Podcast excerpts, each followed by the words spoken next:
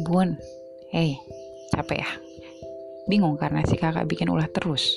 Si ade lambat, urusan sekolah anak-anak, terus mau atur pola makan gak bisa-bisa, suami lagi susah diajak ngobrol. Tenang, kamu gak sendiri kok. Banyak kok ibu-ibu lain di belahan dunia mana pun ngalamin.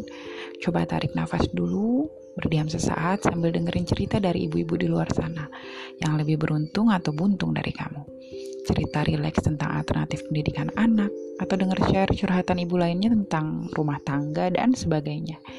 Mampir yuk ke podcast aku untuk dengar banyak hal tentang isi kepala ibu muda. Selamat menikmati. Take a deep breath.